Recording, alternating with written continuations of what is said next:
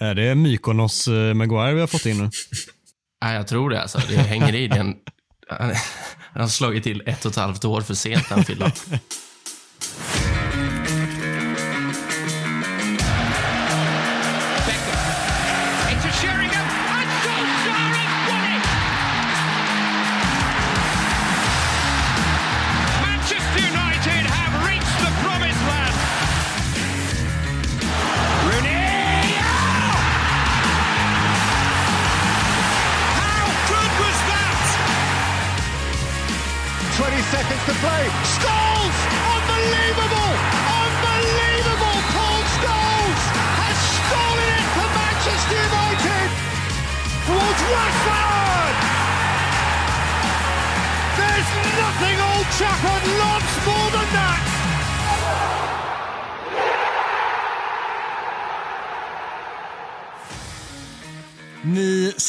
känna er varmt välkomna till ännu ett avsnitt av United-podden. Podcasten som du inte visste att du längtade efter. United-podden görs i ett stolt samarbete med både den officiella supporterklubben MUS och United-redaktionen på Svenska fans. Vi har självklart med oss Mackan i veckans avsnitt. Läget? Det är, det är superbra med mig. Jag har haft en, eh, haft en väldigt, eh, väldigt trevlig torsdag här, så jag mår prima. Utveckla. Hur, hur kan en torsdag bli så bra? Jag var uppe och gick 18 hål i morse faktiskt. Ledig förmiddag, så det får man utnyttja. Eh, förmodligen årets sista runda, så det ger en lite energi till att ta sig an dagen på ett annat sätt skulle jag säga. Gräset är väl alltid grönt här på västkusten. Det går att spela golf året runt. Ja, man, man önskar det, men eh, det är rätt tråkigt att duffa sig runt på en åker där i slutet av november. Men eh, ah, vi får se vad som händer. Kanske kan eh, klämma in en runda till. Ja, kul. Kul att du kommer in med sånt eh, humör den här veckan jämfört med förra avsnittet. Gustav, du och Micke fortsätter att jobba om varandra och köra varannan vecka. Vem är det som är första valet? Vem ersätter de två? Vi kör lite växelbruk här jag, jag, känner bara direkt att jag får panik här när Mackan går och tar en sån här positiv roll. Jag vet, jag vet inte, vi har inte alls satt rollfördelningen här för avsnittet. Jag, jag, vet inte alls hur den här dynamiken ska bli i avsnittet nu. Jag känner inte igen honom. Så jag vet inte, ska jag behöva sitta och gnälla då här? Eller? Jag vet inte, jag brukar vara ganska positiv. Så jag, äh, jag känner mig helt, helt ur spel här. Men, men annars är det bra. Annars är det bra. Ja, ja, eh, man kan ha en ducka i frågan när jag frågar vem som var första valet och vem som var ersättaren av han och, han och Micke. Jag, för, jag försöker alltid vara lite diplomatisk, men det är ju, vi kan ju säga så att jag, jag anställde ju Micke till vår redaktion, så får det svara nu kanske, så får ni dra era egna slutsatser på det då. Du menar det säger allt? Ja, det tycker Du jag. behöver, det du behöver inte oroa dig, um, Gustav heller. Jag tror att det kan komma lite gnäll från min sida när vi kommer in i avsnittet. Så det, det är jag det är nog inte orolig för, det är jag säker. Se hur länge det håller Mackan. Kul, kul i alla fall att du är positiv. Ja, är allt bra annars borta på öarna då? Du, det tycker jag att det är. Hösten, hösten gnuggar på här borta. Kommer från en liten halloween-firar helg här. Jag vet inte om ni har det i, uh, i Sverige också, att det har blivit Jo. stort. Så det, det har firats ordentligt här. Skulle, det var lite maskerad, skulle klä ut sig. Jag tänkte att man skulle klä ut sig till Manchester Uniteds kollektiva försvarsspel. Uh, det är liksom skräck, skräckenjagande just nu, men min flickvän tyckte det var lite smalt. Och jag visste inte riktigt praktiskt hur jag skulle genomföra det, så jag, jag hamnade i någonting annat istället. Men, men kul hade vi. Någonting annat, det blir man nyfiken. Ja, jag blev indragen i någon grupp eh, i någon sån här Space Jam eh, eh, outfit. Så inte riktigt lika, lika fräckt. Så jag ger mig själv två, två plus på den faktiskt. Okej, okej. Ja. Om vi släpper den då. Den var svag. Men jag tänkte också lite på, jag, jag talar över det faktiskt, men jag tänkte lite på, på Maskerado och tänkte att Micke är inte här. Så, men han är, han är stark på sina, sina imitationer. Man försöker fundera på vem, vem Micke skulle klä ut sig på, på en, på en halloweenfest. Man hörde ju Bojan Djordjic senast. Det skulle kunna vara en. Jag vet inte vad ni, vad ni tror. Vad hade, vad hade Micke passat som för utklädnad? Han målar, ju, han målar ut sig själv som en David Beckham i första avsnittet. Jag vet inte om han eh, hade... Jag vet inte om han hade klarat av att bära upp eh, den så kallade utklädnaden. Så Han ligger ungefär på lite samma intelligensnivå kanske. Han kanske klarar att hålla, hålla samtalstonen. Liksom. Men, men inte mycket annat. nej, det, det kanske är sant i och för sig. Ja, Jämförelserna stannar där alltså. ja det är nog så. Det är nog så. Men du Gustav, ska du på derbyt helgen förresten? Nej, det, det, det är otroligt att jag lyckas pricka in bröllop varenda gång. Jag missar Nej, men bröllop sluta på. Liverpool-matchen och andra bröllop. Välkommen till 30 grabbar. Ni får, ni får ha så kul så länge tills ni, tills ni hamnar där. Så jag ska på mina andra bröllop här nu på, på tre veckor eller fyra veckor. Eh, men det är kanske, kanske lika bra. Jag vet inte. Jag är lite, vi, ska inte vi ska inte hoppa dit än, men lite, lite orolig inför, inför derbyt kanske. Ja, det har man väl all rätt att vara kanske. Ja, känns så. För övrigt, jag, jag gjorde en helt sjuk sak idag faktiskt. Jag var ute och sprang första gången på evigheter och känner att jag behöver lite uppmuntrande ord för, från er för detta. För kul är det ju inte när hjärnan tror att man är lika duktig som man var när man var aktiv inom fotbollen för ett gäng år sedan. Men lungorna bara säger tvärt emot. Ja, i löpspåren är man inte vass. Där, eh, alltså jag var inte vass där när jag spelade fotboll, så jag vet inte vad jag skulle gjort när jag kollapsat efter en kilometer. Liksom. Men eh, det var det.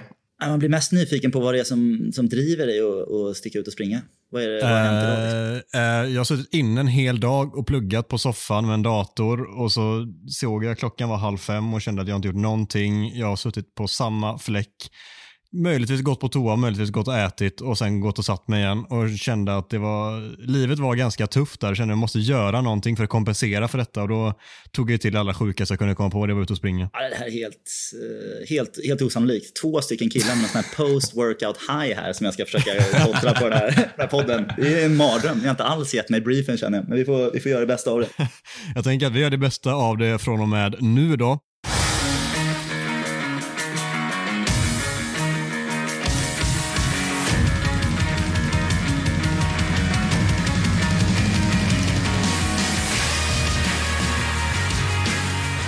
Sedan vi spelade in senast har vi helt väntat slagit Tottenham med 3-0 och sedan i den matchen vi kanske främst ska fokusera på kryssat mot Atalanta på bortaplan med 2-2 efter ännu ett sent Ronaldo-mål. Mackan, jag måste vända mig till dig först för du har ju varit väldigt kritisk mot portugisen hittills.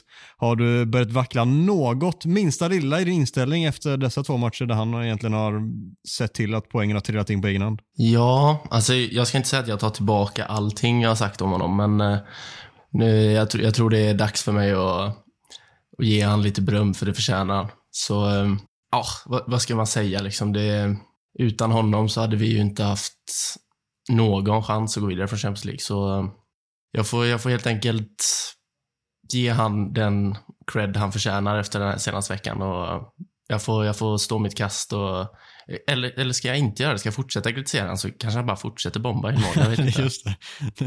Ja, det är motvind som drar. Men beröm ska han va? ja.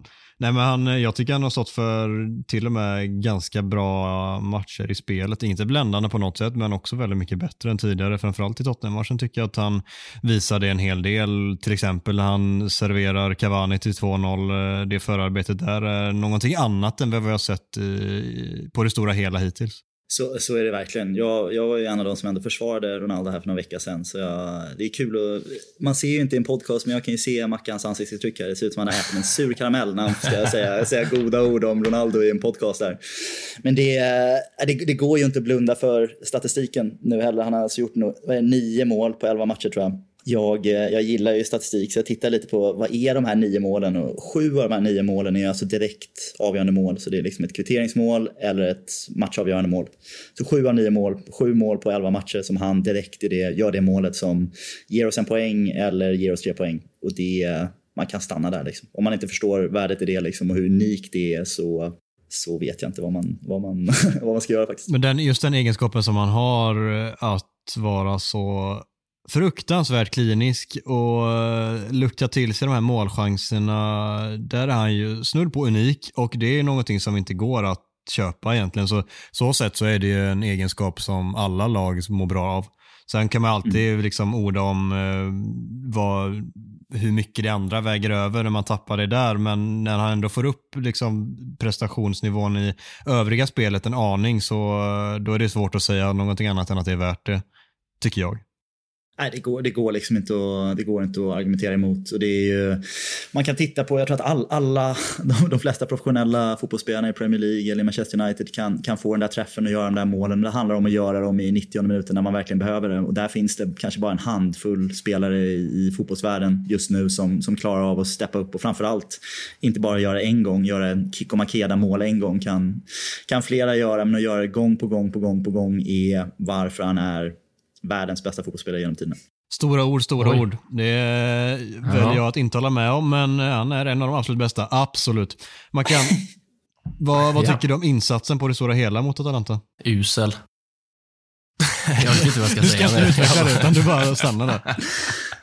Nej, men det var, det var plågsamma 90 minuter att ta sig igenom, tycker jag. Det, det är Ronaldos 2-2 mål och så är det det faktiskt otroligt fina 1-1 målet som man liksom tar med sig, tar med sig positivt. Sen är det ju alltså egentligen utspelade av Atalanta ja, i 75 av 90 minuter liksom. Så 2-2, mm. det är ju det är ett rån rätt av. Eh, så ja, nej, usel insats om man ser över det hela prestationen från uh, laget i stort, men så sticker ju Ronaldo upp med två mål och räddar oss igen. Så uh, jag vet inte, det är inte jättemycket positivt att ta med sig förutom Ronaldo. Liksom. Mm. Där landar väl jag. Jag skrev det efter matchen på Twitter. OK resultat, dålig insats. Det räcker med den mm. analysen ikväll. Och det är tyvärr jätteofta vi kan just applicera den, eh, den bedömningen på Uniteds matcher. Nej, men du, har, helt rätt. Jag tycker att det är ett bra resultat. Eh, det är ett bra resultat oavgjort eh, mot Atalanta borta. Vi, behöver den poängen, så det, det tycker jag vi kan ge oss. Men hela vår, hela vår Champions League-höst här är ju konstgjord andning eh, från, från början till slutet. Och det är ju ett under att vi leder gruppen och ändå har egna händer här med, med de insatserna vi har gjort. Och det är ju svårt att inte tänka att det här håller ju inte i sex matcher. Alltså förr eller senare så kommer, det här, kommer vi inte kvittera i 92 minuten eller få det där, det där vinnande målet. Så det, det är en dålig insats. Jag kan inte låta bli att tänka på att någonting som man sällan pratar om eller minns med med de gamla Sir Alex Ferguson-dagarna är att han hade en otroligt bra förmåga av att åka och göra riktigt, riktigt tråkiga 0-0-matcher när vi behövde det också. Man kunde se redan efter, egentligen nästan redan en timme innan match på laguppställningen och framförallt fem minuter in i matchen att det här kommer inte bli en kul tillställning. Här har man gått och laddat för en Arsenal-match borta här i flera veckor och sen ser man redan efter fem minuter att det här kommer bli typ 0-0 eller kanske en straff i slutminuterna. Och det gjorde han gång på gång när vi behövde poängen. Det man ser på, på Solskär och det här laget han har byggt är att det är liksom noll kontroll på, på att få den här poängen borta mot Atalanta. Det går ett par minuter och man ser direkt att Atalanta kommer få sätta tempot, de kommer få sätta helt agendan för den här matchen och vi kommer bara åka med. Och har vi den individuella briljansen så kommer det gå bra och kanske lösa sig. Har vi inte det så kan det här gå riktigt, riktigt dåligt. Och det är ju Solskärs kanske stora svaghet just nu, att det känns som att vi sätter inte prägel, prägen på några matcher utan vi löser många matcher ändå. Men vi sätter inte prägen på några matcher och det var ju någonting som Ferguson var väldigt bra på att göra. Vi börjar den här matchen med en ja, men, trebackslinje och sen när i takt med att Varann går sönder så skiftar vi det istället till en fyrback och jag tycker åtminstone att vi spelar lite bättre då. Är det för lite att dra några slutsatser av att vi borde fortfarande liksom spela vidare med fyrbackslinjen långsiktigt med Solskär eller tycker ni att den här trebackslinjen han på något sätt försökt implementera lite grann nu är någonting att jobba vidare på? Alltså, ja. Eh, jag tycker det är lätt att fastna i sådana här formationer och siffror och allt hit och dit. Eh, alltså, som, som vi spelar nu så spelar det ingen roll om vi ställer upp med 7-2-1. Vi kommer ju släppa in två skitmål ändå. Liksom. Så Alltså jämför Atalanta, hur, hur deras grunder sitter. De spelar i stort sett samma formation, men de, de vet exakt vad de ska göra hela tiden. Alla spelare har sina uppgifter, de vet exakt. Det går, det går, inte, det går liksom inte en sekvens utan att de vet utan att de inte vet vad de ska göra medan mm. man kollar på United. Det ser ut som, ja, de är utsatta här och ja, ni är försvarare idag och ni är mittfältare och ni är anfallare. Eh, anfallarna är mål, mittfältarna passar och försvarar och försvararna försvarar. Gör det och så kanske det går bra. Så ser det ut. Ja, det, är, det är ständigt det med att de här, får en passning, tar emot den, tittar upp, lägger bollen till rätta och sen spelar vidare för att ingen vet innan de får bollen vad de ska spela vidare den. Och då går det så otroligt trögt och det blir så jättelättläst också för motståndarna och ganska simpelt att försvara mot det också. Enda gångerna vi ställer till med oreda för motståndare på det stora hela. Vi har ju ett jätteupprullningsmål här till 1-1 som är supervackert som är sällan skådat eh, United-mål nu för tiden. Men ja, det är väl undantaget som bekräftar regeln då kanske. Men dit jag vill komma att enda gången vi riktigt hotar i övrigt är när vi får mycket ytor att kontra på för då har vi ju riktig spets i det spelet och då, då, då kommer det mycket liksom på, på instinkt för spelarna. Då behöver de inte ha så här tydligt du ska löpa det här utan då löser så här bra spelare det. Men när det är kompakt försvar att attackera mot så krävs det någonting annat och det har inte den här, eh, det här laget i sig just nu. Tråkigt nog. Nej, jag, jag känner att man pekar alltid fingret på, på Ole Gunnar och att det är brist på spelidé eller att hans taktiska kunnande här. Men någonstans känner jag också att spelarna måste ta ett ansvar här. Om man tittar individuellt spelare för spelare så är det så extremt mycket individuella misstag. Framförallt i försvarsspelet över hela planen. Och det känner jag, det kan man inte klandra Solskär för. Det kan inte vara hans fel att Maguire och, och Shaw och Lindelöf bitvis liksom spelar på det sätt som de gör. Eller hur de ställer upp. Det är inte, jag är väldigt svårt att tro att det är en brist på att de inte har täckt det på träningen, vad som ska göras. Utan jag, jag känner känner ändå att den här truppen just nu sviker honom lite eh, match ut och match in. Eh, även om han gjorde en bra insats här mot, mot Tottenham då, som vi kanske kommer, kommer toucha lite på. Men jag tycker ändå lite spelansvar får man ta här. Vi har ju sett de här spelarna i andra, andra situationer i det här laget under den här tränaren förut spela en mer strukturerad fotboll där man känner att det finns en spelidé som funkar. Så det är, jag tycker att det är väldigt mycket dåliga individuella prestationer just nu till viss del håller jag med dig. Alltså självklart, det är mycket dåliga prestationer och mycket dumma misstag som går att lägga liksom på spelarna själva enbart. Men jag tror mm. också att vi ser det så mycket nu och den här säsongen och vi har sett det tidigare i perioder också. Så att jag tror inte det bara går att hitta förklaringar till spelarna som bara börjar göra liksom dåliga, fatta dåliga beslut. Utan det, jag tror att det går, eller det måste finnas en förklaring i det taktiska också som inte, som inte sitter heller. För vi ser ju andra lag med sämre spelare göra betydligt mindre dumma beslut och felaktiga Eh, felaktiga boll. Alltså, för, alltså, allting är så mycket märkligt i matcherna just nu. Jag, det är klart att det är mycket upp till spelarna, men jag tror också att det är en tränare, en av de absolut bästa tränarna, ser på något sätt till att back to basic, vi, så här gör vi nu istället för att sluta upp kring varandra och sluta med sådana här konstiga grejer. Så det är klart att spelarna ska ha sin del av kritiken, men jag tycker också att det inte går att utelämna tränaren heller i fallet.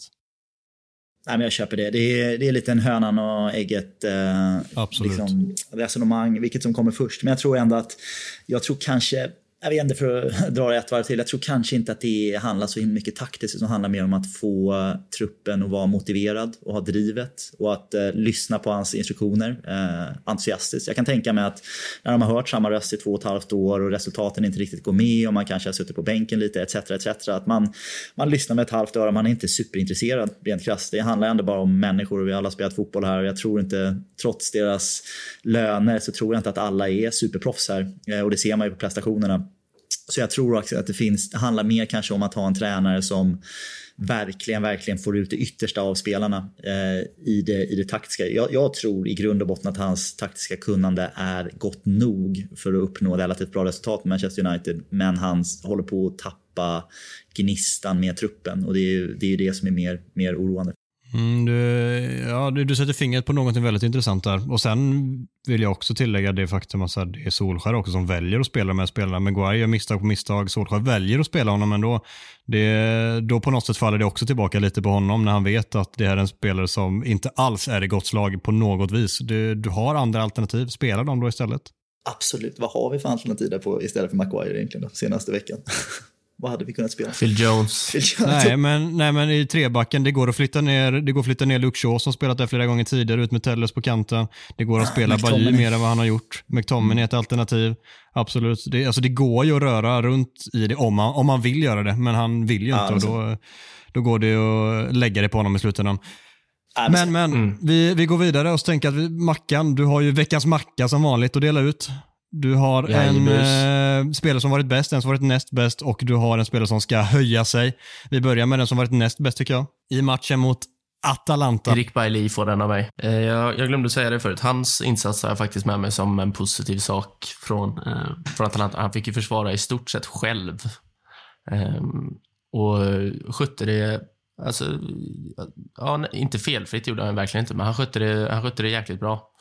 Och spelar som bara Erik Bailly kan spela. Liksom det, är, eh, jag vet inte vad han gör riktigt när han försvarar, men det är ju inte, det, det är inte en klassisk mittback.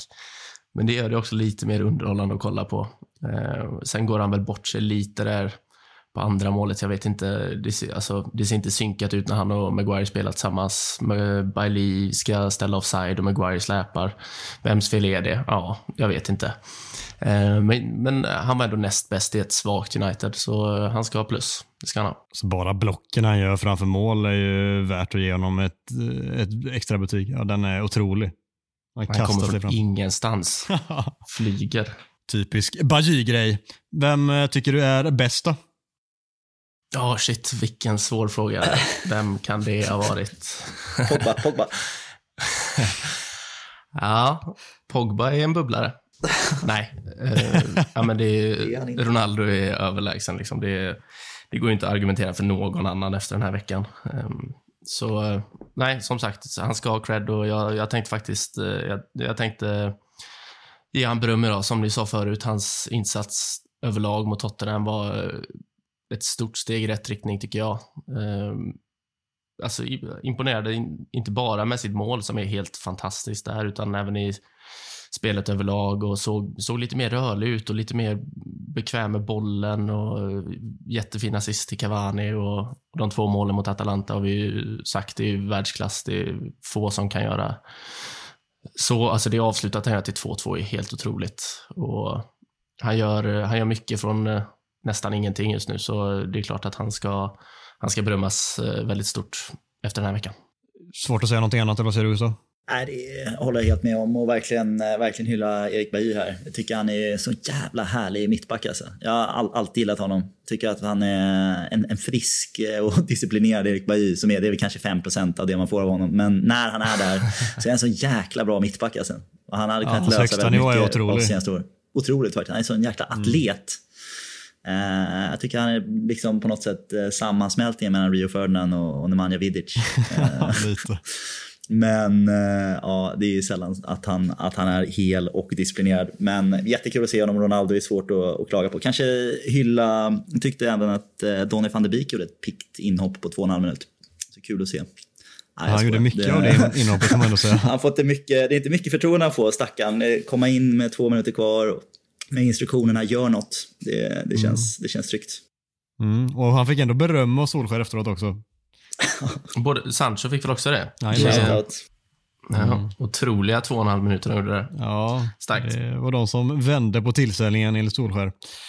Ja, ja, vi har ju faktiskt ett betyg kvar att dela ut. Jag kan gissa vart det barkar, men eh, överraskar mig. ja.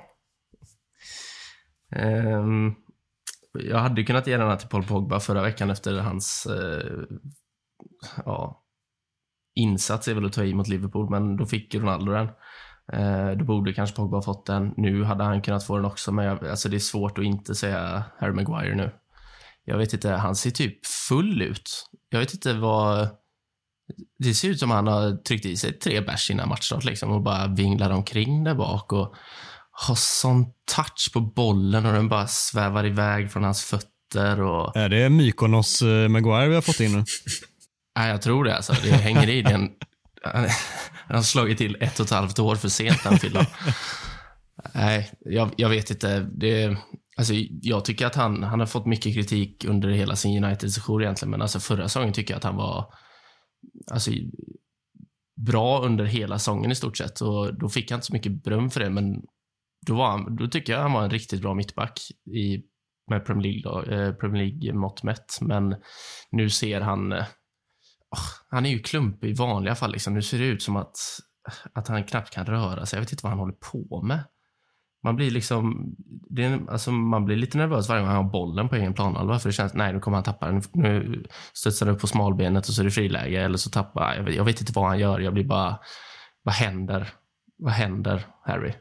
Ta dig samman, höj dig. Nej, det är svårt, svårt att inte hålla med. Det, det är någonting med hans, vi, vi pratade ju om hans eh, kompetenser eller kanske brist av bitvis här för, för någon vecka sedan. Och jag tycker ändå problemet med hans spelsätt är att han måste spela på sin absolut bästa nivå för att vara en, en bra mittback. Han måste ligga på 100%. Han har liksom ingen felmarginal. När man tar bort 10% på alla hans kvaliteter så blir han en riktigt, riktigt medioker typ division 3-back i England. Eh, då är han liksom lite för långsam, lite för, lite för placeringsosäker, lite för dålig touch på bollen. Eh, det är liksom ingenting riktigt stämmer. Eh, Medan alltså andra, andra spelare med högre kvaliteter eh, har liksom lite, de har lite grace. Att man skulle kunna, man, man kan ta bort lite och det finns fortfarande lite att få ut av Men Maguire blir ju riktigt dålig när han är, inte är i form. Vi eh, kommer faktiskt prata lite mer om Maguire om en stund så jag tänker att vi sparar det. Men du, ska vi inte hoppas att det kan bli en sån här Mackan-effekt nu? Att när man blir sågad ena veckan så blir man hyllad veckan efter som bästa spelaren. Så vi kan hålla, hoppas att Maguire kanske är veckans Macka på topp nästa, ja, nästa vecka.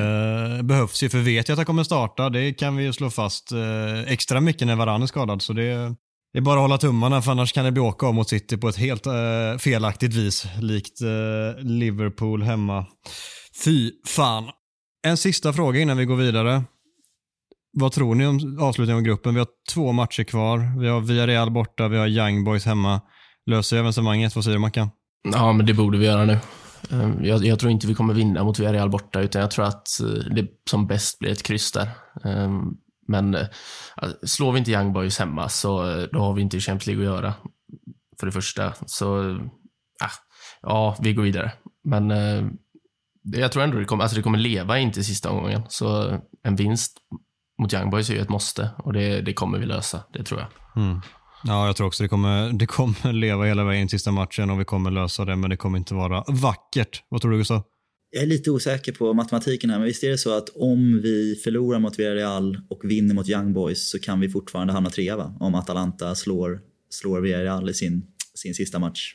Eller? Det kan vi nog göra. Nu sätter du oss på pottkanten. Ja, okay. ja, men jag, jag, har, jag har en freudiansk fråga. Jag, jag är ganska säker på att, den är, att, det, att det är så faktiskt. Att om Atalanta slår Villarreal i sista. Eh, så jag är faktiskt lite orolig att, eh, att vi får stryk mot Villarreal. Att vi slår Young Boys men att det kanske faktiskt inte räcker. Att vi blir flera lag på 10 poäng och har sämre målskillnad och kanske kommer trea. Så jag, jag tror att det kan bli tufft såg också något scenario där vi, och nu det är dåligt av mig att jag inte har kollat upp det exakt vilka resultat det skulle vara som innebar det, men någon har räknat ut att vi faktiskt på sju, eller, som vi har, sju poäng har vi nu, att vi kan mm. gå vidare på sju poäng och det vore ju typ det mest Ole någonsin att gå vidare på sju poäng i Champions League i den gruppen också. Det Exakt. hade varit, eh, det hade ja, varit nej, jag, skulle, jag tittar faktiskt på tabellerna framför och det är, det är så. En, en förlust mot Villarreal och en vinst mot Young Boys är ingen garanti. Om Atalanta vinner sina två så kommer de ligga på 11 poäng. Eh, om Villarreal vinner mot oss så ligger de på 10. Vi vinner mot Young Boys ligger vi mot, på 10. Och Villarreal har väldigt mycket bättre målskillnad än oss eh, redan nu. Så mm, det är inbördes möten som gäller. Ah, titta nu, nu dunkar du på mig där. Vad skönt. Då, det kanske hjälper. ja, men vi var, vad hade vi 2-1 mot Villarreal hemma, eller vad blev det? Ja, precis. Ja, så det beror ju lite på hur det går i den eh, kommande bortamatchen där. Nåväl, mycket om och men, men eh, vi verkar ju inte vara helt bergsäkra på att vi går vidare i alla fall. Nej, så är det.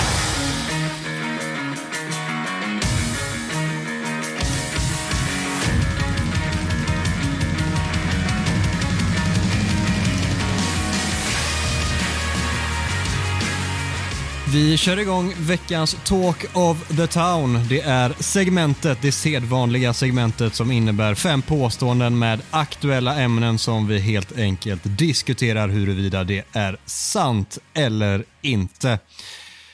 Vi har pratat med Guire, jag tänker att vi börjar den änden så får vi det eh, avklarat. Om alla är friska så borde inte Harry Maguire starta.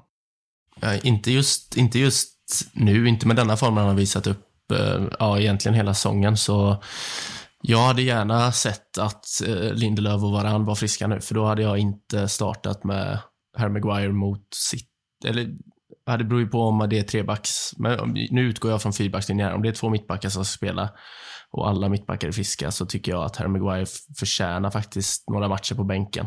Det, jag, ja, som sagt, jag tycker ingen ska vara given i ett lag och även om han är lagkapten så tycker jag att presterar du så pass Eh, dåligt under en så pass lång tid så, så är du värd några matcher på kvisten. Det tycker jag, det tycker jag nästan ska vara spikat. Liksom. Det ska inte finnas något annat. Om eh, vi inte bara tittar just nu och tittar lite bredare perspektiv, tycker du eh, samma sak då? Um, alltså, jag tycker det är skitsvårt um, det här, men jag tycker ju Harry Maguire är, alltså, han är nog en, eller nog, han är en bättre mittback än vad Victor Lindelöf är totalt sett. I alla fall om man kollar på eh, aspekter som Premier Leagues, alltså fysiken där, eh, tempot. Han, han är så pass mycket bättre i det fysiska spelet och i huvudspelet att det edgar det. Speciellt när man har en Rafael Varane bredvid sig. Så eh, om man kollar överlag så tycker jag väl att han är den andra bästa mittbacken vi har. Jag tror det i alla fall. Ja, jag, jag, jag är beredd att hålla med i det, för jag tänker att vi alla tre kommer säga att Maguire inte borde starta just nu, så det blir ganska tråkigt att diskutera det, utan vi är bättre att prata mer svepande och övergripande. Vad säger du där, Gustav?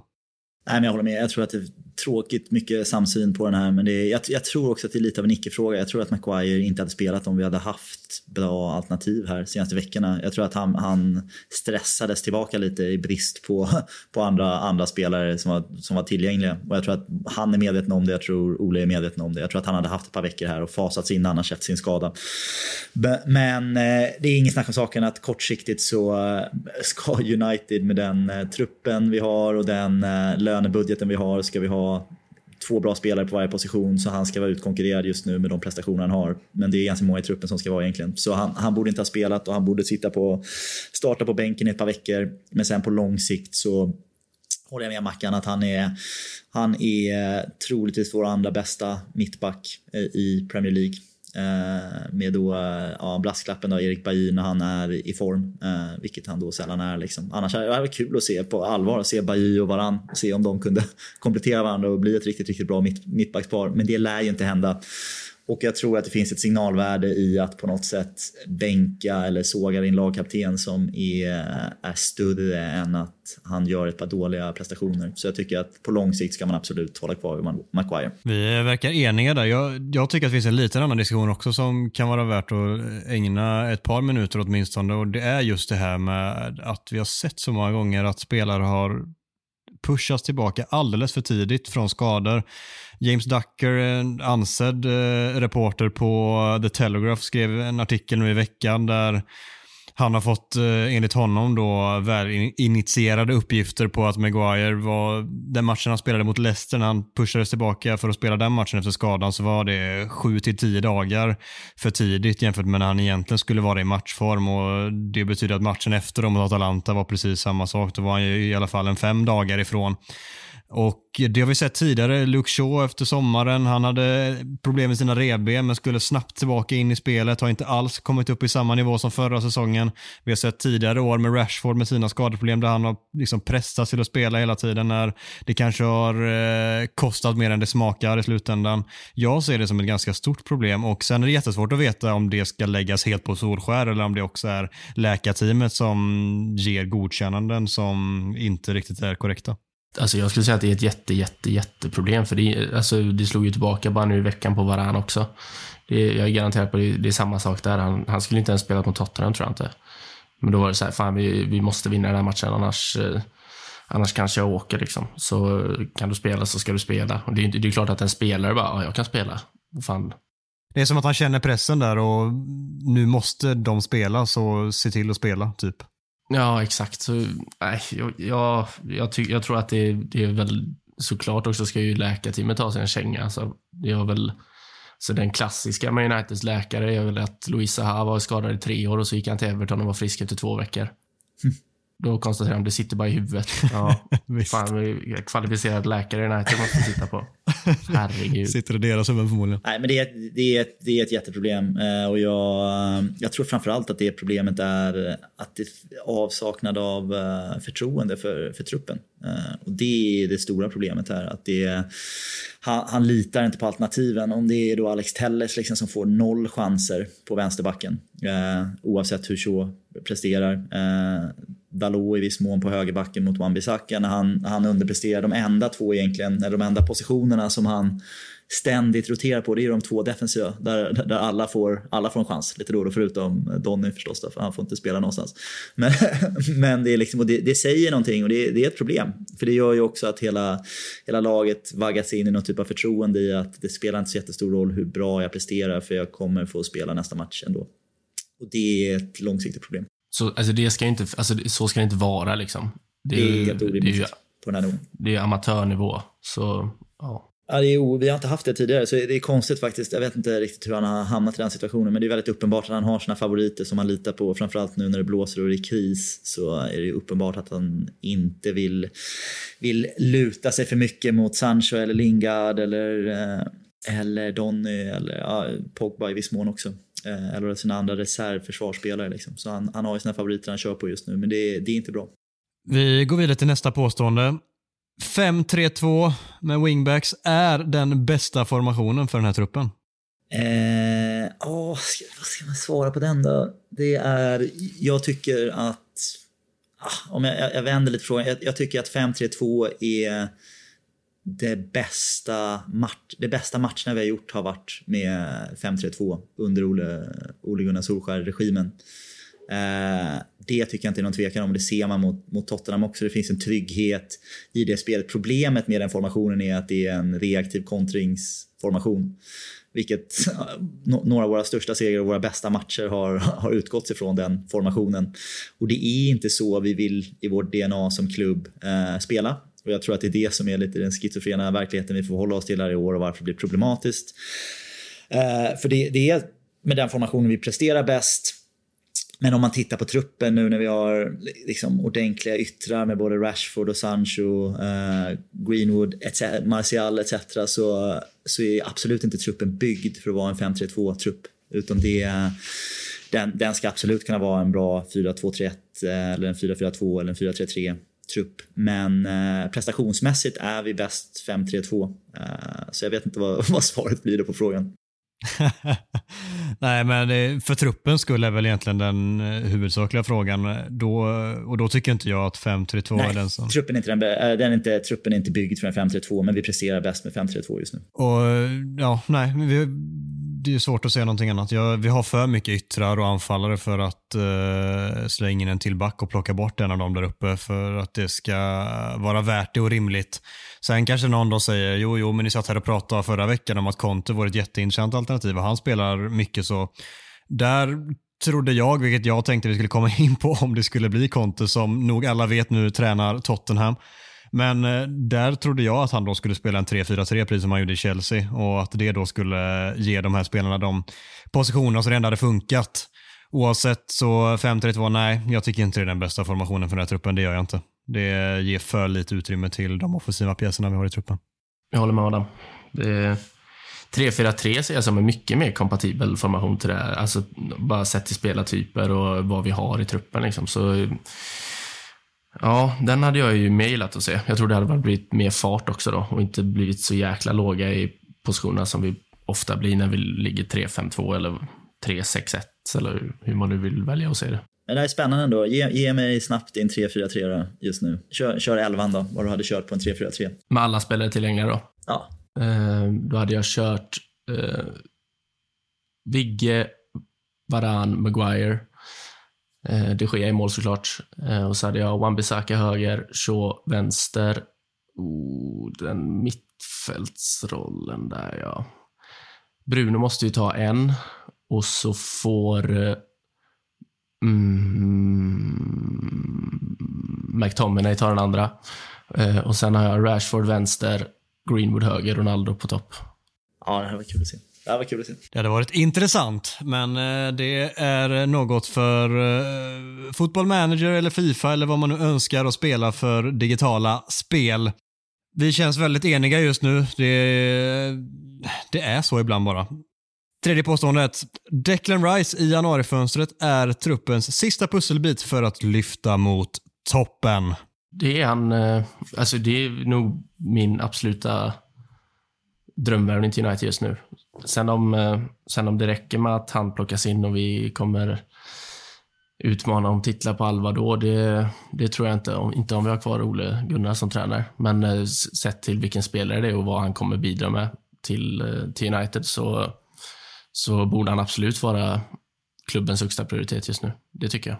Så bra som han var i EM, så bra han har varit i West Ham den här säsongen. Jag tycker han har tagit enorma kliv från att redan vara väldigt bra förra säsongen till att nu vara, ja men helt ärligt, bakom vad är det, Fabinho, Rodri, missar jag någon då så är han den bästa på den positionen i Premier League då. Och det är en no-brainer för United att plocka in honom enligt mig. Sen betyder det, mm. precis som du säger, för truppmässigt vore det bäst, men sen är det ju en del andra problem vi har på möjligen tränarsidan då. Han hade också gett mer frihet. Då hade man kunnat spela med en trea på centralt mittfält eh, med Bruno som en av de tre. För han, alltså det är en spelare man kan lita på ett helt annat sätt än vad du kan lita på Fred eller McTominay. Liksom. Så han, han ger ju både en trygghet till backlinjen och även till de mer kreativa spelarna. Så supervärvning hade det varit. Jag tycker många underskattar hans passningsspel också. De tror att bara för att han är engelsman tror att man inte har bra fötter. Men tittar man på hans statistik i år så är han bland de bästa på den positionen när det kommer till att slå passningar framåt och hitta in i sista tredjedelen ytan, eller utanför straffområdet. Där liksom. Så kanonbra spelare. Jag tycker att det vore superrimligt eh, och vettigt att plocka in honom. Jag tror dessvärre inte att det går att göra det i januari dock. Vad säger Gustav? Ja, nej, jag, jag håller med om att det är en, är en bra spelare, men i dagsläget så som vi spelar och de problemen vi har i truppen så tror jag att han hade gjort noll skillnad. Alltså faktiskt och ha honom just nu. Jag tror att eh, man ska inte underskatta värdet av att vara en fungerande bra spelare i ett fungerande bra lag. Eh, som engelska landslaget var välfungerande, välorganiserat och som West Ham är just nu under David Moyes. Eh, så jag, jag, tycker att han är, en, han är en uppgradering till Scott McTominay, absolut.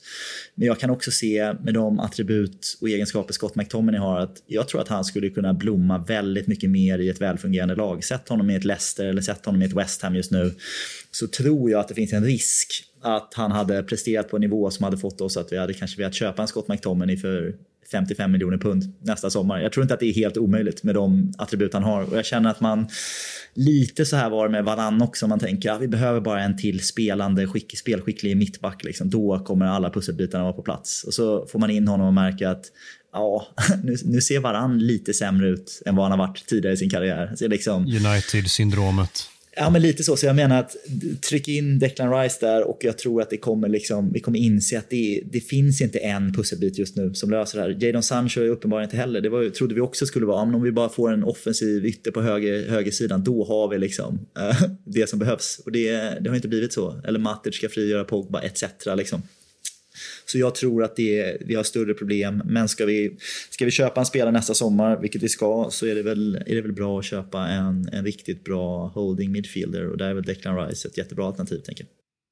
Ja, alltså han är ju inte den spelaren som enkom själv bara går in och så är den sista pusselbiten som gör att vi lyfter mot toppen. Det, det går inte att påstå det enligt mig. Nej. Men han är den spelaren som hade varit perfekt att få in i truppen. Sen finns det andra sätt som vi måste bli väldigt mycket bättre på för att det också ska lyfta hela vägen till toppen. Men eh, han vore ett, eh, en bra pusselbit på vägen. Ver verkligen, men det, kom ihåg vart ni hörde det först. Vi köper Declan Rice, säljer Scott McTominay och om fem år så pratar vi om Scott McTominay som Johnny Evans. Att så här, varför sålde vi honom för fem år sedan för billiga pengar? Liksom. Kolla hur bra han är nu i Everton. Det är bara du som pratar om Johnny Evans på det sättet. ja, det, vi får väl köra en snabb omröstning då. Påståendet lät så här, Marcus. Declan Rice i januarifönstret är truppens sista pusselbit för att lyfta mot toppen. Vad säger du? Nej. Åh oh, jäklar, nu kom jag in i målbrottet här också. Nej. Trevligt voice crack. Mm. Ja, jag håller med dig. Nej, det är han inte. Och Gustav säger? Ah, jag också håller med. Det är tre, det är tre, tre rad här vi alla håller med va? Så kan vi inte ha Nej, nu får vi, nu får vi ge oss. Nu får vi fan... Nu får, nu vi, får vi skärpa oss. Vad har vi Adam? Ge oss något riktigt kontroversiellt nu. Äh, får ni något att suga på? Paul Pogba lämnar klubben gratis igen i sommar. Fan, det känns som vi kommer vara superense nu igen. Alltså. Jag vill typ säga någonting bara för att inte vara ense. Är det här eller? Ja. Nej, men eh, jag, jag, jag pratar först så får någon annan vara lite, eh, gå emot det. Då.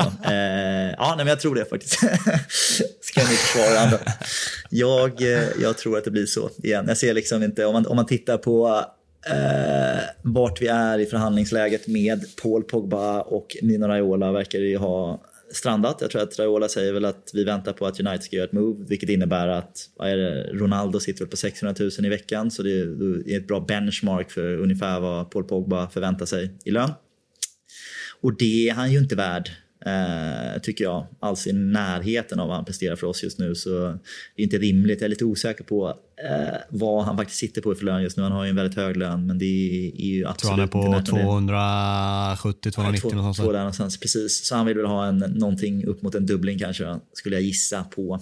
Uh, och så har vi lite, kan han bli en prestigevärvning för, för Newcastle, Saudiarabien kanske i sommar? Kan det bli en sån här gå dit och få bli världens bäst betalda spelare kanske. Eh, jag skulle kunna se det.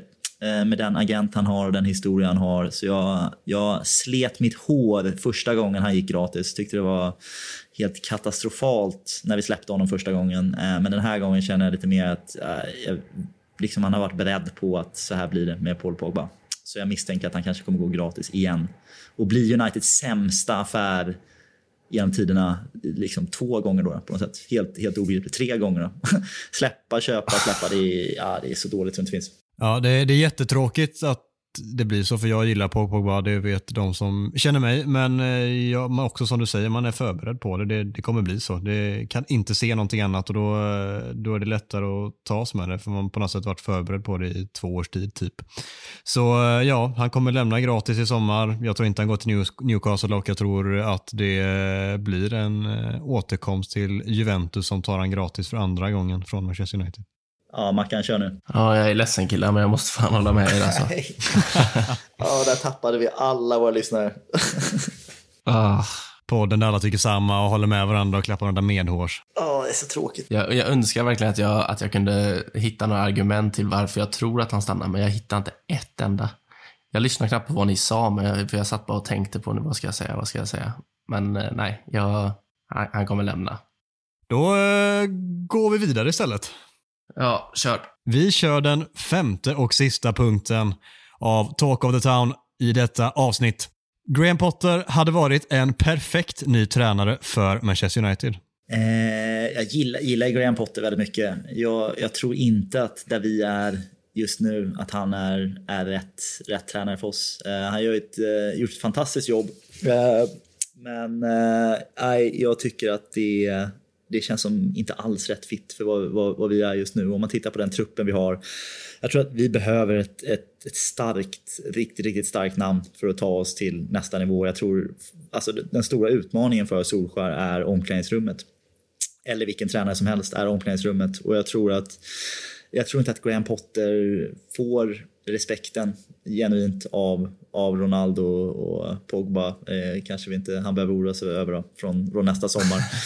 Men och vissa av de här spelarna, jag tror inte, jag tror inte att han får det tyvärr. Eh, så jag, jag tror att det finns andra namn där ute. Kanske vår, det var, jag läste här i, i tidningarna i morse att Sam Allardyce av alla, alla stora fotbollstänkare hade uttalat sig här och sagt om, om David Moyes att eh, om det inte vore så att han redan hade varit i United i en vända så hade han varit väldigt, väldigt högt upp på önskelistan just nu för att bli United-tränare. Och det, jag tror att det ligger någonting i det. Om man tittar på hur, hur bra han får West Ham att prestera just nu och, och han är, han är en väldigt bra tränare. Eh, så är det ju, jag tror att det finns andra tränare som hade varit bättre. Jag tror inte att Graham Potter hade varit en bra, bra fit. Jag, jag tror att steget är för stort. Vi har provat det förut med, med Moyes. Eh, han klarade inte att ta det steget då. Solskär har vi klarat att ta steget lite grann och gjort bitvis bra, bra prestationer för oss utan tvekan. Men jag, jag, tror att vi behöver ett riktigt, riktigt supernamn för att, för att jobba med den här truppen. Ja, det, det är så. Alltså, han är ju inte den perfekta nya tränaren för klubben. Jag, jag kan inte argumentera för det.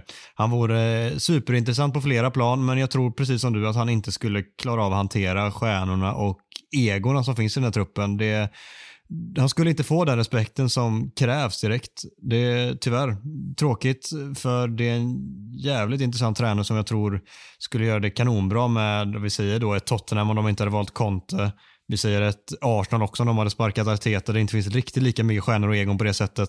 Jag tror han kan göra jättebra med en sån klubb, men United i dagsläget, nej. För några år sedan när vi inte hade alla de stjärnor och egon vi har nu, Ja, det hade varit väldigt intressant om Potter var i det stadiet han är i nu. Mm. Vid den tidpunkten, absolut. Men eh, här och nu, tyvärr. Fan vad ni lämnar mig åt att jag måste tycka något därför så jag, Det var därför jag var snabb liksom. och hoppade in efter Gustav att slippa den. Ja, jag lutar mig tillbaka och då hugg du som en kobra där borta. Nej, men det är han ju inte. vad ska jag säga liksom? Det, det, fan, det är nästan att jag vill fejka någonting nu, men eh, nej.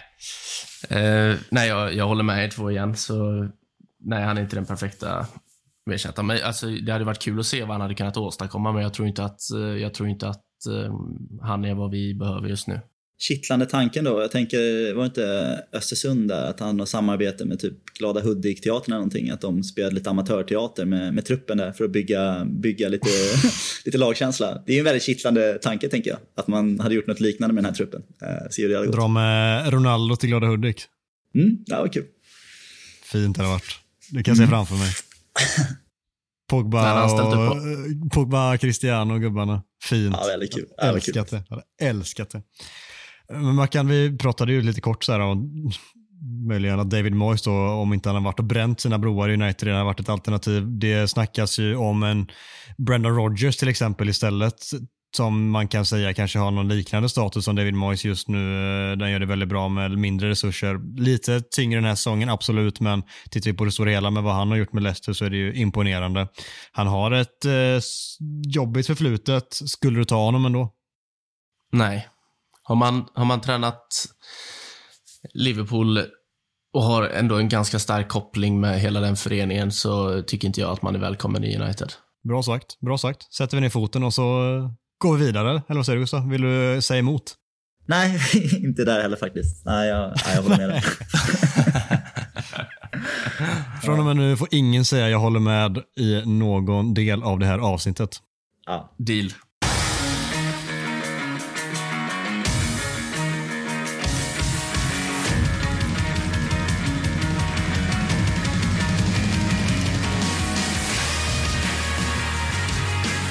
Klockan 13.30 på lördag tar United emot den eh, bittra stadsrivalen Manchester City på Old Trafford.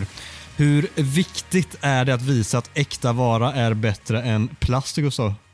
Det, ja, men det här är ju, för mig är det här i modern tid den, den största matchen för oss på säsongen. Jag vet att Liverpool har de historiska, historiska rötterna i, i det derbyt, men för mig är det här eh, absolut den, liksom, den, den, största rivalen om man tittar på de senaste tio åren. Eh, nu har Liverpool kommit upp igen, men det är, eh, jag tycker det är en jätte, jätteviktig match och det är, eh, den kommer alltid ångestladdad för mig. Eh, på säsongen för jag vet att City har passat oss så himla dåligt, deras sätt att spela fotboll. Eh, med alla våra tränare de senaste åren. Eh, så jag vet att det alltid är en tuff insats. Så det är, det är otroligt att vi ändå har faktiskt lyckats få med oss ganska mycket bra resultat mot City eh, under år där City har, vi får nog ändå erkänna att de har varit betydligt bättre än oss i ganska många år här. Men jag har fått med oss ganska mycket bra resultat. Och, och under Solskär också. Solskär har varit lite kryptonit för, för Pep Guardiola, vilket också är helt, helt otroligt om man tittar på den kritik han får med, med sitt taktiska kunnande mot då den som stora taktiska guden Pep Guardiola.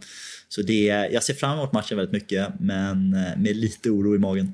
Jag kan ju ana vart pessimistmackan lutar i den här frågan, men jag ställer frågan ändå. Tror du att eh, Solskärs facit mot City och faktiskt att spelarna har varit med och eh, löst biffen mot dem flertal gånger eh, väger över i den här matchen eller är man livrädd för en eh, kölhalning alla Liverpool igen? ja du, um, alltså jag tror det är någon liten blandning där. Alltså, det måste ju finnas någon typ av alltså, självförtroende och alltså en tro på sig själva. De har ändå gjort det förut. Förra säsongens insats på Etihad var ju faktiskt helt otrolig.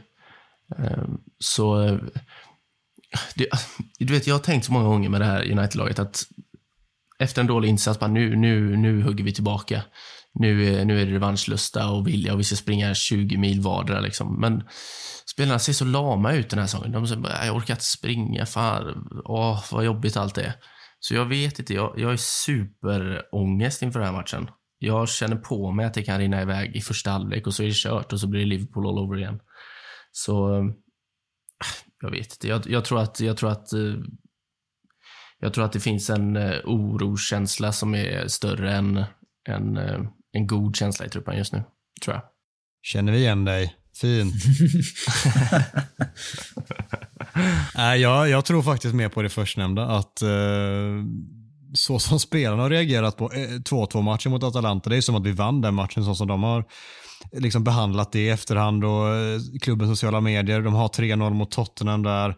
De kommer till City-matchen nu med lite bättre självförtroende. Man tittar på det går tidigare mot dem. Solskär har på något sätt hittat något form av segerrecept mot Pep Guardiola, vilket är sjukt men också inte helt osant. Jag, jag tror faktiskt att det kan eh, gå helt okej. Okay. Det är inte säkert att vi vinner, men mycket väl ett kryss eller så. Det, och det är så här, ska vi vara nöjda med ett kryss? Nej, men när alternativet är 0-5 så känns det rätt okej. Okay. Ja, jo det är det. det jag, jag, alltså förra året blev det väl 0-0 på Trafford, va? Ja. Ja, det kommer det inte bli i år. Det kommer bli mål i alla fall. Så det är ju något positivt. Sen är, åt vilket håll det blir mål, det, det återstår att se. Men det känns ju som att David Gea kommer få plocka ut en och annan bakom sig.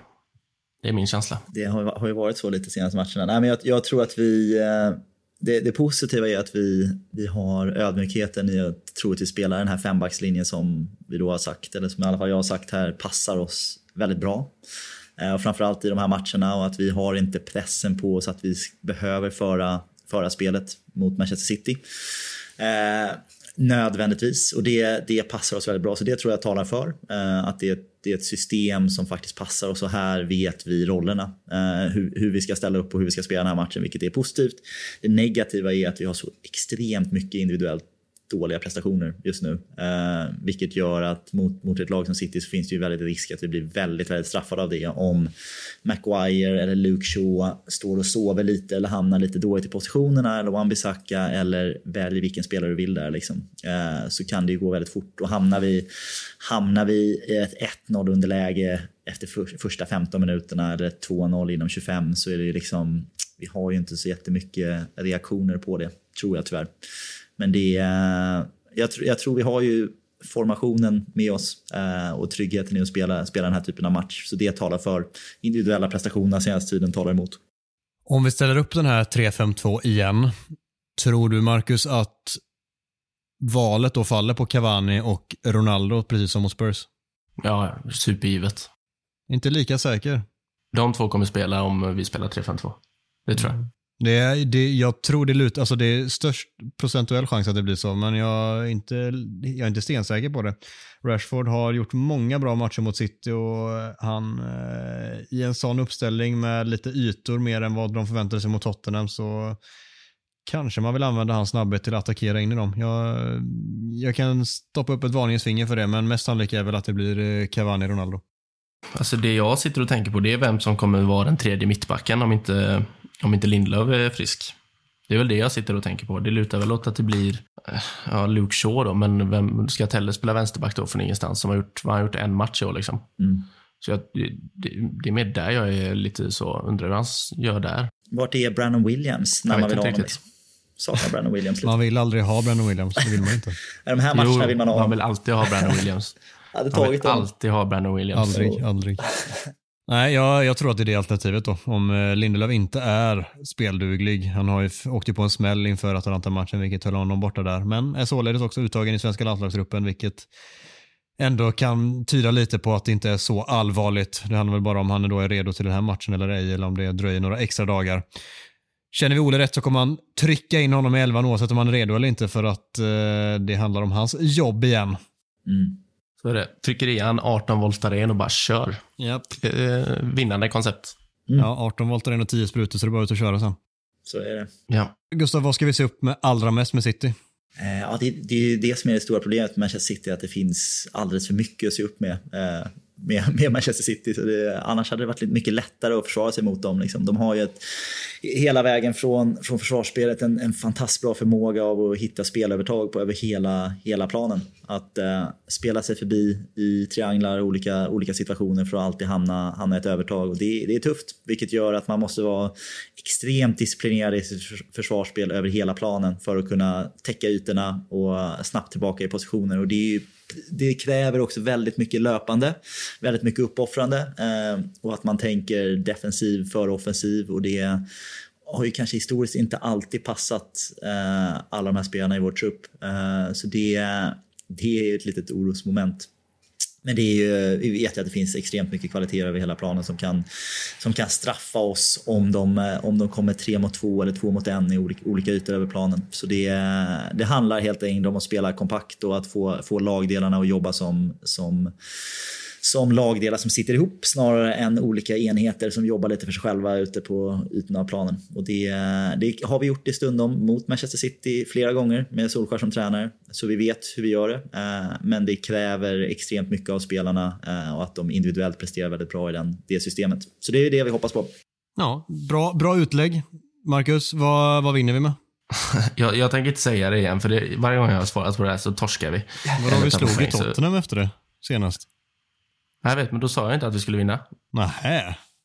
Nej. Ah. Så, ehm, 1-3 blir det. Okej, muntert. Gustav? Ja, nej, man, man, man kan aldrig tippa emot oss när vi går in i ett derby känner jag. Nej, men jag tror att vi kan... Eh, men ska vi inte bara göra en jävla superskräll här och vinna med en till 2-0 här? Tänker att McTominay gör en till sån där så härligt mål efter en eh, målvakten ute och kör, kör en liten raid där. Så får man lite YouTube-klipp med Titanic-musik i bakgrunden där så kommer vi kunna titta på det där hela säsongen sen. Så det blir en, det blir en härlig 2-0-seger och så, blir, så vänder hela säsongen. Fint, fint. Ja, jag, säger att det, jag säger att det blir 1-0 och att det är Kevin De Bruyne som tappar bollen mot Bruno Fernandes som visar vem som är bäst av de två och så trycker han in en rätt i krysset i minut 74 och så rider vi ut vågen därifrån och så firar vi tre goa poäng till rätt sida av Manchester. Ja, och då är vi på samma poäng. Vi är tre poäng efter City just nu, så uh, man, kan, man hade kunnat tro att vi hade varit väldigt många fler poäng efter dem, men det är vi inte. Vi är bara tre poäng efter. Vi borde vara det, men vi är det inte. Precis. Jag hoppas verkligen att ni har rätt nu, för nu, nu känns det som att jag har satt mig i den här deppiga båten igen och jag, jag behöver dras därifrån kanske. Ja, så, eh, golfendorfinerna börjar ta slut där nu. Men det, det höll i nästan Ja, en timme du Mackan, jag är imponerad. Jag konstaterar korrelationen här med att när vi alla håller med, det är när ni båda har kört o, eh, oväntade träningspass här. Jag, jag tränar varje dag här borta, ska jag säga. det är därför jag är positiv. Aldrig så nu igen. håller ni med mig för att, eh, för att ni har tränat idag. Det är faktiskt väldigt strångt av dig att kalla golf för ett träningspass, men eh, Ja, jag tar snäll. det. Ja, snäll. Jag Du kommer väl inte närmare träningen så eller? Nej, nej, det gör jag inte. Det, det ska sägas. Det är Det väl är upp och ner för Avenyn då. ja, om man nu ser det. ölhävararmen tänkte jag säga, men upp och ner för Avenyn funkar med. Ja. Ja, innan vi avslutar så tycker jag det finns en liten intressant gnutta att diskutera när det handlar om landslagsuttagningen som kom här idag. Vi såg att Jesse Lingard, Jadon Sancho och Mason Greenwood, alla tre, uteslöt. Vad vill du utläsa ur det, Gustav?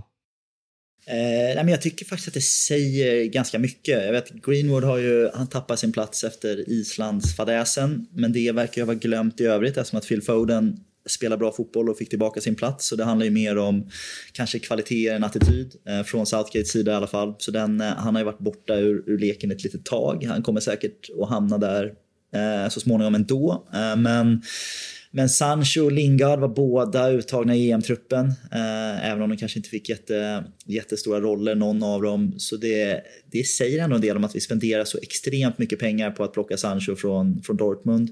Och han nu inte går in i en 23-mannatrupp i England. Eh, det säger en del om ha- hans prestationer eller hur han har lyckats i United hittills. Jag lastar inte det bara på honom, men det är i alla fall en, ett litet varnings, varningsfinger där. Och även Jesse Lingard som gjorde det jättebra i, i West Ham förra året har ju inte fått liksom någon, någon vettig roll i United i år.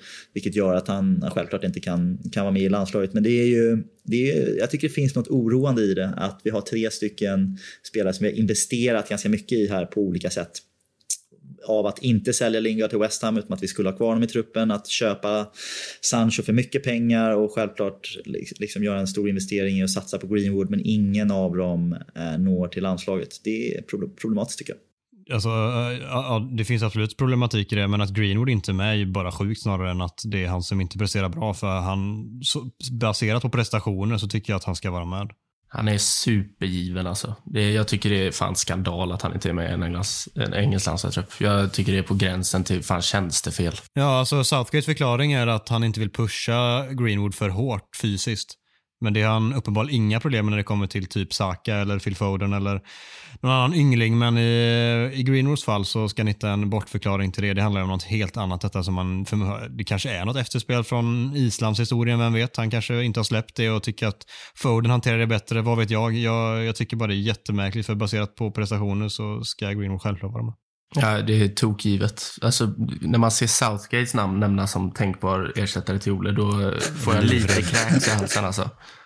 Blir, får sura uppstötningar och ångestattacker för jag bara ser framför mig så tre år av elände igen. Så nej, överskattad tränare. Eh, att Greenwood inte är med är ett skämt. Gällande Lingard och Sancho tycker jag mest synd om dem, att de inte får spela mer. Så ja, ja det, det, hade varit konstigt om de var uttagna eftersom de har gjort sammanlagt typ 100 minuter i den senaste månaden. Så det, det är tråkigt. Ja, jag, jag, tycker att vi stannar där. Det får en liten kort diskussion om det i alla fall. Det finns eh, mer att säga, men tiden har ändå sprungit iväg en hel del nu. Vad säger ni, ska vi klappa igen butiken? Låter som en vettig tanke tycker jag. Jag tycker vi det, så ses vi efter tre poäng i City. Magiskt. Mm. Tre enkla poäng mot City. Tre enkla poäng. Vad, vad, vad, vad brukar vi säga när vi avslutar, Marcus? Gå gärna in och följ oss på sociala medier. Ehm, delar ni våra tweets eller avsnittslänkar så blir vi såklart jätteglada. Ehm, och så är vi väldigt tacksamma över det stödet och de fina orden vi har fått nu eh, de här fem första avsnitten. Så det, fortsätt gärna med det. Det blir vi väldigt glada över. Mm. Och fortsätt skicka in förslag på ämnen att prata om. Vi, vi kör inte riktigt så att vi tar in frågorna och ställer dem exakt så som de är, men vi försöker baka in alla era förslag på ämnen och frågor i avsnitten så att det allra mesta tas upp i avsnitten på ett eller annat sätt. Så fortsätt jättegärna göra det. Det är supertacksamt och superroligt att ni får vara med att bygga avsnitten. Det, det hjälper oss på vägen till att göra en så bra produkt som möjligt i slutändan. Och jag vill även slänga in att ni jättegärna får skicka mejl också till Unitedpodden official at gmail.com om ni så önskar. Tack Gustav, tack Marcus och tack så jättemycket för att ni har lyssnat. Vi hörs igen nästa vecka.